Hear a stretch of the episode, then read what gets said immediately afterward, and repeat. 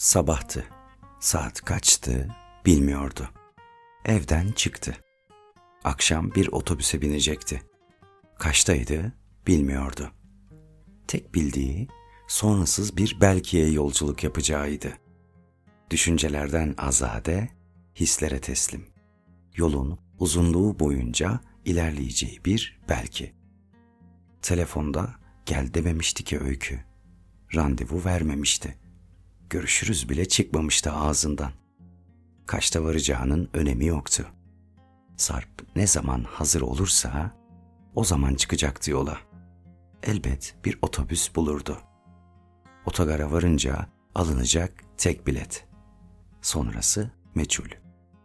Sınırlar çizemiyordu şimdi. Ne kadar uzun sürerse sürsün, sonları hesaplamadığı bir yolun yolcusuydu. Sarp, olmayı hiç düşünmediği bir saatte var olacaktı. Belki.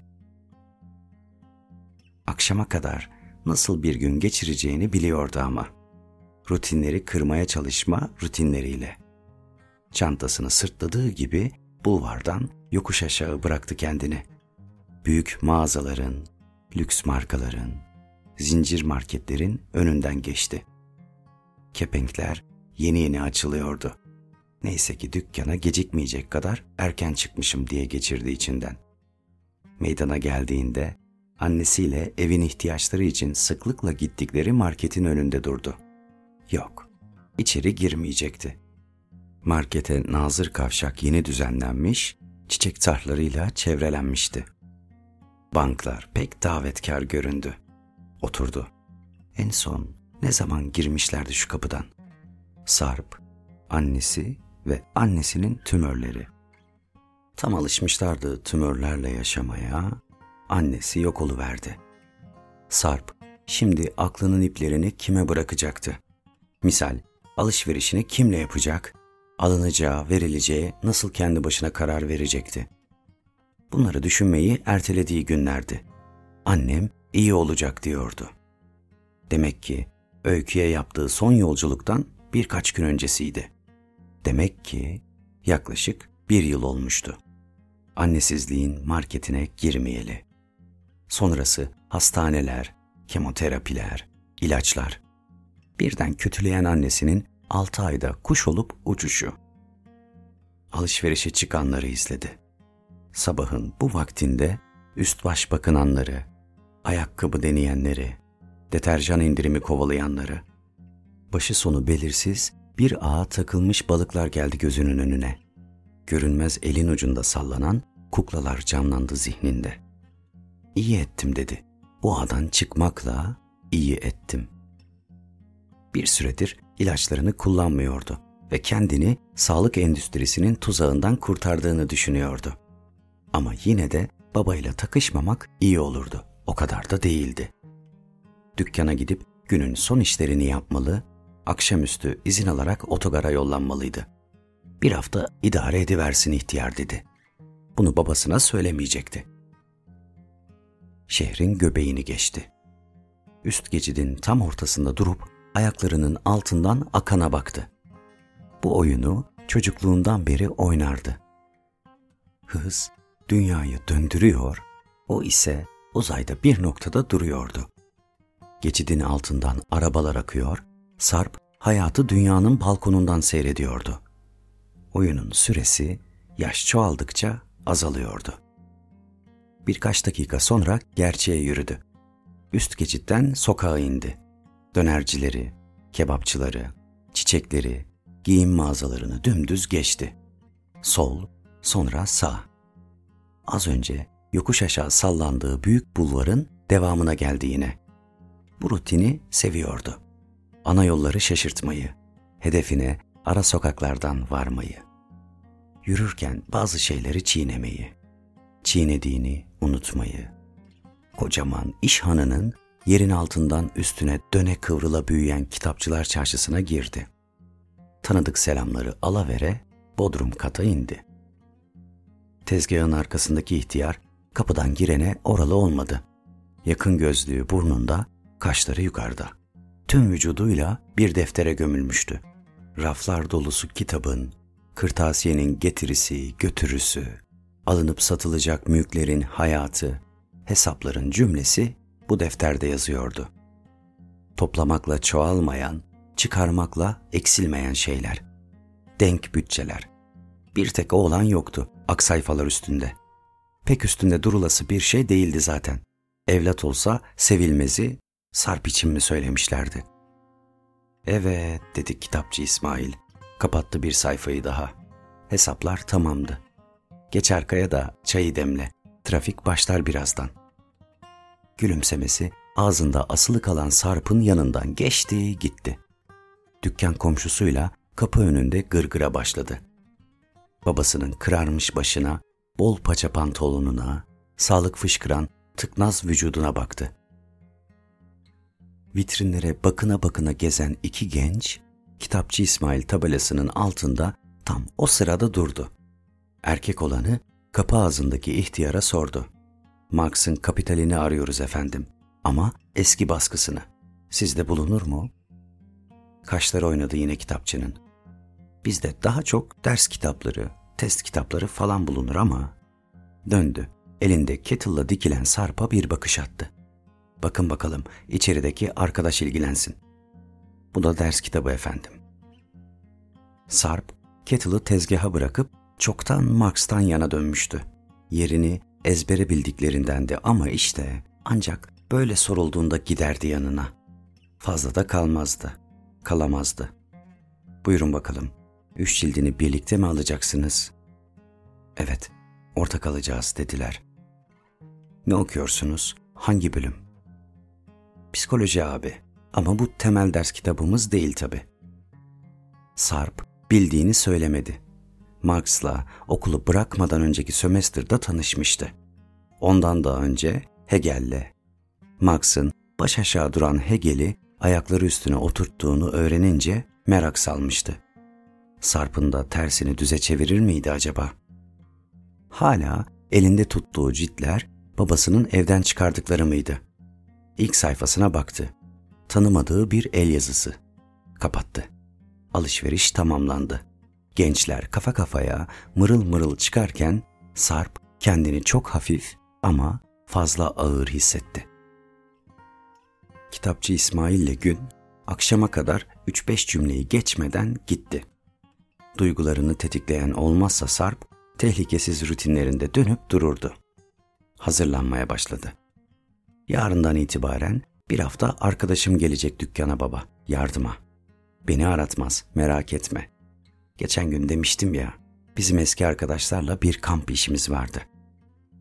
İsmail, arkadaşım mı kaldı ki senin demedi. On yıldır ara sıra ortadan kaybolmalarına alışıktı. Homurdandı. Seni ne arayacağım dürzü, iş yapsın yeter. Yevmiyesini benden kesersin. Birikmişim var, idare ederim. Sorulmamış sorulara cevap vermekte üstüne yoktu Sarp'ın. Kapıya döndüğü anda dükkanı ardında bıraktı. Dümdüz yürüdü gitti. Gelirken geçtiği yola döndü. Ara sokaklardaki loş biraneler sarı yeşil ışıklarını yakmıştı. Ağır kızartma kokularını yararak birinin girişine ilişti. Biraz atıştırmanın zararı olmazdı. Yanında da belki bir iki bira. Sarpa bir cesaret ödülü. Aklının göğe yükselen ipleriyle bir anlaşma. Sizi saldım ama beni önce öyküme götürün. Toptan teslim olayım. Bir işi garsona sipariş vermeyi başardığı için kendini kutladı. İpin ucunu öyküye nasıl bağlanacağını düşündü. Orada bir Berkin'in var olma ihtimali. O ihtimalin dönüp dolaşıp beni kendine çekmesi. Çantasını karıştırdı. Cüzdanında öyküyle çekilmiş tek fotoğrafı ararken yolu önce annesinin suretinden geçti. Kudret Hanım beyaz flöre, pembe gömleğiyle sağlıklı günlerinden gülümsüyordu. Hadi diyordu Sarp'a. Senin için bu gömleği seçtim. Giy de teyzenlere gidelim. Balığını ye. Kılçığını ayıkladım. Okul çantanı hazırladım. Berber randevunu ayarladım. Bir gömlek fazla eskitmesin diye uğraşırdı annesi. Kılçıkları tek tek sıyırıp alırdı hayatından. Çantada kekliğini her yere taşırdı. Sarp aklının iplerini salmıştı bir kere. Annesi özenle kendine bağlardı. Sağda solda konuşan olursa annemden böyle gördüm derdi. Sarp'ın da işine gelirdi. Hem fena mıydı? Annesine bağlandıkça kendisinden kurtulurdu. Kudret Hanım'ın yüzünü aldığı yere cüzdanının vesikalık fotoğraf bölmesine yerleştirdi. İş cepte öyküyle tanıştığı günün anısına ulaştı. Psikoloji 2'den terke 5 kala, okulun yaz kampına. Kampta ortak arkadaşlarıyla birlikte gittikleri konser akşamına. Konser çıkışı eğlencenin devam ettiği bara. Öyküyle yan yana oturmuşlardı. Gece boyu konuşmuşlardı. 10 yıl önce okulu bırakmasıyla annesine o teşhisin konması birbirini izlemiş, Sarp her yıl birkaç günlüğüne öykünün arkasına saklanır olmuştu. Annesini gömdüğü toprakta şimdi o bitseydi. Daha sık gitmeliyim diyordu. Kabul edilme kuşkusunu yenmeye çalışıyordu.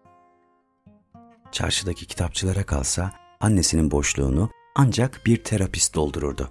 Böyle olmaz. Falanca psikoloğu tanırız. Bak bu da adresi diyorlardı. Kitapçı İsmail karışmıyordu. Sarp bir terapiste birkaç seans devam edebiliyordu. Sonra duyuyorlardı ki yine öyküye kaçmış. Aklına o günkü seans geldi. Kız kız güldü. Yine atlattım ya, oh olsun. Nasılsa psikolojiden firar eski alışkanlığıydı. Fotoğrafı cüzdanına yerleştirmek istedi. Sadece bir tane şeffaf bölme vardı. Annesi oradan gülümsüyordu. Birkaç dakika düşündü. Sonra garsondan makas rica etti. Hiç tereddüt etmeden fotoğrafı sadece öykü kalacak şekilde kesti. Nasılsa orijinali duruyordu. Annesinin yerine üste gelecek şekilde yerleştirdi. Makasla fotoğraf kırpıkları elinde garsonu kolluyordu. Hesabı ödemeli, otogarın yolunu tutmalıydı. Kanına hızla karışan biralar düşüncelerini bulandırdı. Kalkmaya çalışırken sendeledi. Başını bir duvara yasladı. Terapisti tam da olması gerektiği gibi pıt diye karşısında bitiverdi. Sarp'ı görünce yaklaştı. Koluna girdi. Aheste aheste konuştu. Ben de nerede yine bizim kaçak diyordum. Bu akşam dinlen de sonra görüşelim. Sonrasını düşünmeye zamanım yok dedi Sarp. Gidiyorum bu akşam. Nereye deseler dünyanın sonuna geldim. Az sonra eyvallah deyip aşağı atlayacağım diyecekti. Sorulmadan devam etti. Bir sonra yok belki de. Sonrasını niye düşüneyim? Son anda verdiğim kararlar beni ben yapacak. Nasıl bu kadar emin olabildiğini sordu terapist. Sarp müstehsi güldü. Yaşadığın sürece neyden ne kadar emin olabildin ki? İşte insan böyledir. Hep bir kesinlik arar. Adımlarının sağlam olmasını ister. Kendini güvence altına almayı arzular. Oysa ne güzeldir sonrasını düşünmeden yaşamak. Fotoğraf makinesini bir kenara bırakıp fotoğrafın içine atlamak. Elindeki makasla fotoğraf kırpıkları kıpırdadı. Bir el makası hafif hafif çekiyordu. Omzuna düşmüş başını kaldırdı. Yaslandığı duvardan ayrıldı. Boynunu ovuştururken siması hiç yabancı gelmeyen bir genç masanın kıyısında dikelmiş konuşuyordu. Şey abi affedersiniz kapatmaya hazırlanıyoruz da sizi de burada böyle görünce makas alayım dedim. Hani uyurken yanlışlıkla bir yerinize. Genç yüzdeki şaşkınlık kendi zihninin bulanıklığını unutturdu Sarp'a. Ha tamam alın tabi. Siz şey değil mi? Hani bizim dükkana geldiniz bugün. Evet abi ta kendisi. Genç sırıtarak hesabı kesti. Sandalyeler, masalar toparlanıyordu. Sarp kalktı. Kapıya yöneldi. Az ötedeki masada duran Marks'la bakıştı. Ayaklarının üstünde duruyor musun delikanlı diyordu Sarp'a. Yoksa hala baş aşağı mısın? Boynunu ovuştura ovuştura düşündü. Of, kitapçı İsmail'in de kapısı çalınmaz ki şimdi bu saatte. En iyisi dükkana gidip yatayım. Sabah gitmekten vazgeçtim derim. Belki gülümser beni görünce ihtiyar.